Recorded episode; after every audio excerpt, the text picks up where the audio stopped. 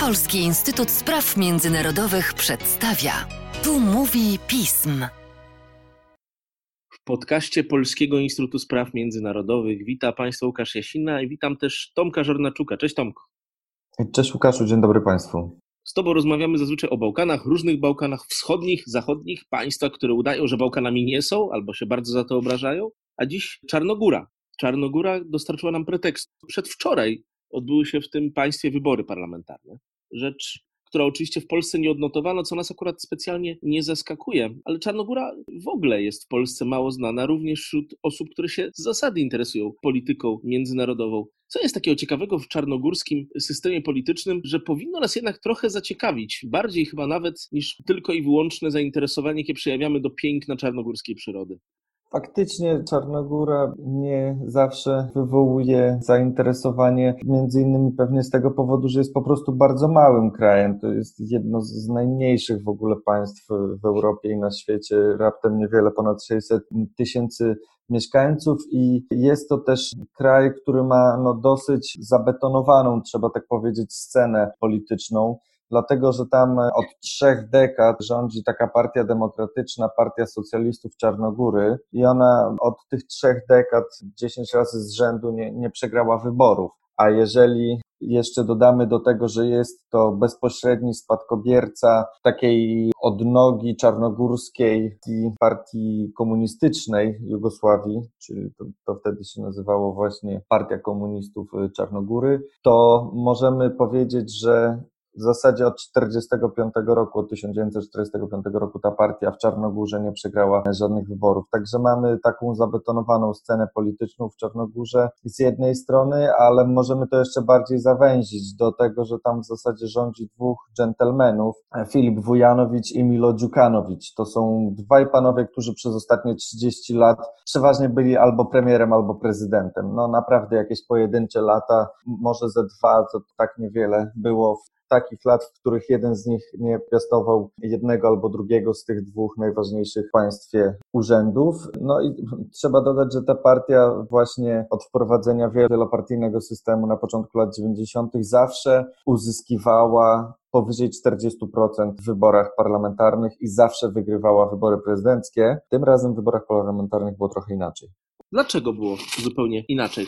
Skoro jakiś system działa, to dowód, że nie działa, dowodzi jakiegoś kryzysu. Taki pokrętny wniosek faktycznie można z, tego wyciągnąć, natomiast no, tutaj faktycznie przy takim ustawieniu sceny politycznej można sobie wyobrazić, że jak dodamy do tego takie małe państwo, będące często, jeśli chodzi o liczbę mieszkańców, wielkości jakiejś większej dzielnicy w dużym mieście europejskim, to łatwo dojść do konkluzji, że faktycznie instytucje państwowe są zdominowane przez jedną partię, a do czego to prowadzi? No prowadzi to oczywiście do tego, że nasila się korupcja, prowadzi to do tego, że pewne wolności są stłumiane, można można powiedzieć, w zasadzie Freedom House y, określa Czarnogórę jako kraj częściowo wolny, zresztą tak samo jak wszystkie pozostałe państwa Bałkanów Zachodnich aspirujące do członkostwa. No ale takim obrazkiem jest na przykład 105 miejsce Czarnogóry w rankingu wolności prasy. Ona się tam plasuje między Mozambikiem a Angolą. Jest to jakiś obraz jednak tego, w którym miejscu jest to państwo. No i na to się jeszcze chyba w ostatnich miesiącach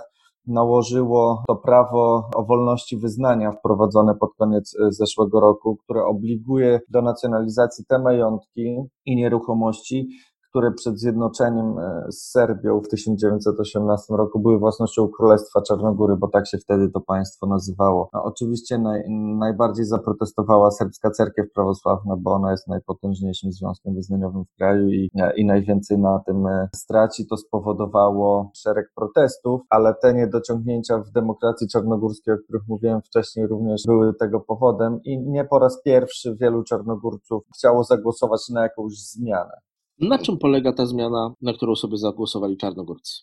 Polega ta zmiana na tym, że paradoksalnie, chociaż wybory po raz dziesiąty właśnie z rzędu wygrała ta partia DPS, to ona uzyskała 35% głosów, a zatem najmniej w ciągu ostatnich 30 lat i utrzyma 30 mandatów w parlamencie 81-osobowym, a straci tych mandatów 6. to oznacza, że nie będzie możliwe utrzymanie rządu w dotychczasowym składzie, który współtworzyli również koalicjanci z socjaldemokratów Czarnogóry, taka mała partia, która od tej głównej pięć lat temu się odłączyła, i partia Bośniaków. One obie uzyskały po około 4% głosów i po trzy mandaty, a z dwóch mniejszościowych partii, albańskich i takiej partii chorwackiej, które współtworzyły rząd, weszła tylko ta jedna albańska, czyli taka koalicja w zasadzie małych albańskich partii z jednym miejscem. To oznacza, że 38 miejsc y, będzie miało to dawne takie zestawienie koalicyjne, a jedyną partią, którą można by było tę koalicję uzupełnić, to jest posiadająca dwa mandaty socjaldemokratyczna Partia Czarnogóry, też taka malutka partia, to ciągle za mało, bo w takich małych parlamentach, jak parlament państw bałkańskich, każdy głos, jak się okazuje, się liczy. O tym się przekonała Macedonia, kiedy jeden głos przeważył na szale utrzymania dawnego gabinetu, a tu wygląda na to, że ten jeden głos przeważy na szale stworzenia nowego. Za chwilę powiem, dlaczego to nie jest takie pewne, ale ten nowy gabinet, gdyby powstał, to on by się składał z takiej dużej koalicji, której trzonem jest proserbski Front Narodowy. On uzyskał ponad 32,5% głosów zdecydowanie więcej niż wskazywały na to sondaże przedwyborcze, które dawały im około 25% i będzie miał aż 27 mandatów w parlamencie. Inna taka centrowa koalicja z wiodącą rolą Partii Demokratów utrzymała 10 miejsc, ale swój stan podwoił do czterech mandatów. Taki ruch obywatelski Zjednoczonej Reformatorskiej Akcji, bo taka jest ich nazwa, ale to jest taki ruch skupiający ekspertów z think tanków i będący pod przewodnictwem Albańczyka, co, co ciekawe, głoszący głównie hasła walki korupcją. Więc te trzy partie uzyskały 41 miejsc w 81-osobowym parlamencie. To minimalna ilość, która jest potrzebowana do stworzenia rządu większościowego. I teraz jaka jest szansa na to, że te partie trzy powołają rząd? Tu jest naprawdę mm,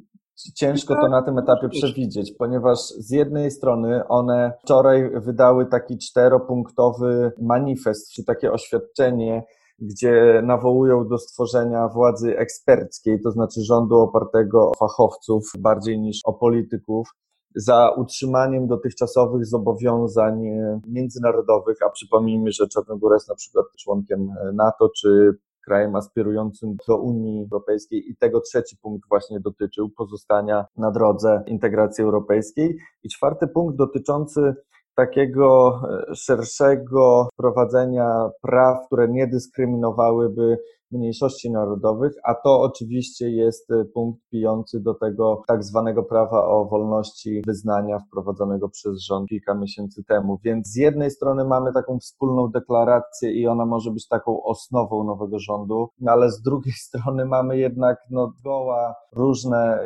interesy tych partii i bardzo różne ich y, i afiliacje i takie składy narodowościowe, o co nie jest trudno w Czarnogórze, w której Czarnogórcy stanowią 45% około 30% to Serbowie, ale też kilka procent Albańczyków, Bośniaków, innych mniejszości narodowych, więc, więc jest to koalicja o tyle egzotyczna, że ona właśnie z jednej strony skupia taką bardzo proserbską, często z prorosyjskim też elementem e, nacjonalistyczną na pewno partię główną, a z drugiej strony będącą w tej sytuacji wyborczej języczkiem uwagi małą partię obywatelską z Albańczykiem na czele.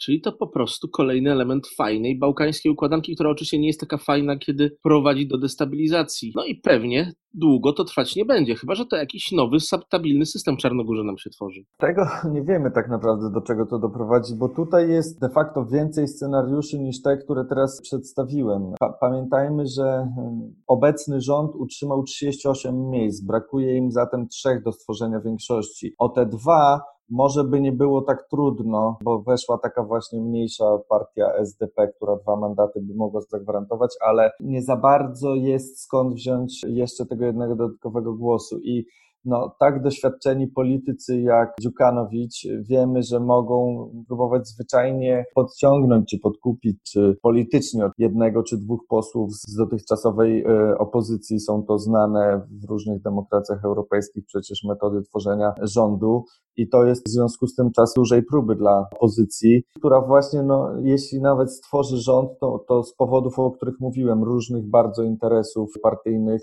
może być bardzo krucha, a to może się skończyć triumfalnym powrotem partii władzy wkrótce. Więc na pewno, na pewno duża rola tej takiej małej partii eksperckiej, jak wybrnie z tego i jaki obierze kurs, na pewno duża próba dla całej opozycji i całej Czarnogóry i dzisiaj wydaje się, że nieco więcej szans można dać temu scenariuszowi, że jednak dojdzie do zmiany władzy, ale jesteśmy dopiero dwa dni po wyborach i jeszcze nie mamy wszystkich danych, jak zachowa się każdy z 81 posłów e, i posłanek, którzy zostali wybrani do, do parlamentu, bo powtórzę jeszcze raz, w takich małych parlamentach jak w krajach bałkańskich każdy mandat się liczy i każdy może zadecydować o tym, kto e, stworzy rząd, który będzie musiał sprostać wyzwaniom, e, o których rozmawialiśmy. Trzymajmy więc kciuki za Czarnogórę, a Tobie, Tomku, bardzo mocno dziękuję za to, że przybliżasz nam sprawy nieoczywiste. Dziękuję serdecznie.